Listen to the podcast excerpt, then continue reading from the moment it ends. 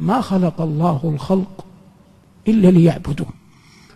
من من عبد الله عرف لماذا خلق. ومن لم يعبد الله لم يعرف لماذا خلق. كلما كان الإنسان في طاعة وعبادة لله كان أقرب إلى رحمة ربه. كلما كان المرء بعيدا عن طاعة الله كان أبعد عن رحمة ربه.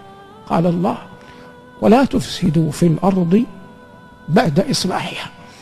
معنى بعد إصلاحها جعلت الأرض مسخرة لأن تعبدوني فيها فمن لم يعبدني فيها فقد أفسد. ولا تفسدوا في الأرض بعد إصلاحها وادعوه خوفا وطمعا إن رحمة الله قريب من المحسنين. والله رؤوف بعباده يؤتيهم بشائر. أنتم الآن ولله الحمد جم غفير. من الذي برحمته غرس في قلبك محبة أن تأتي المسجد؟ والله لا أحد غير الله. من الذي رزقك العافية حتى تأتي المسجد؟ والله لا أحد غير الله. من الذي جعلك تقف بين يديه؟ تسمع آياته تتلى عليك. والله لا أحد غير الله. من الذي جعلك حتى إذا فرغت الصلاة ألقى في قلبك أن تبقى وتستمع الذكر؟ والله لا أحد غير الله.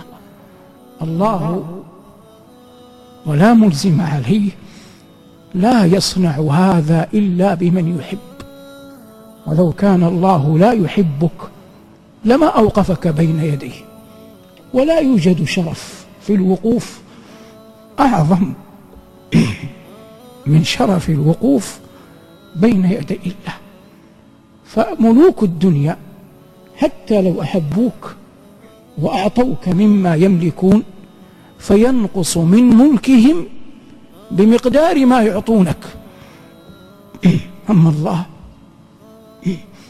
فلا ينقص شيء من ملكه إذا أعطى عباده. يا عبادي لو أن أولكم وآخركم وإنسكم وجنكم كانوا على أتقى قلب رجل واحد منكم ما زاد ذلك في ملك شيئا. يا عبادي لو أن أولكم وآخركم وإنسكم وجنكم كانوا على أفجر قلب رجل واحد منكم ما نقص ذلك من ملكي شيئا. يا عبادي لو أن أولكم وآخركم وإنسكم وجنكم قاموا في صعيد واحد. فسألوني فأعطيت كل ذي سؤل مسألته. ما نقص ذلك من ملكي شيئا إلا كما ينقص المخيط. إذا أدخل البحر والمخيط لا ينقص شيئا من البحر إذا إذا دخل. فنحن قوم نفدت خزائننا وليس لنا إلا الذي لا تنفد خزائنه.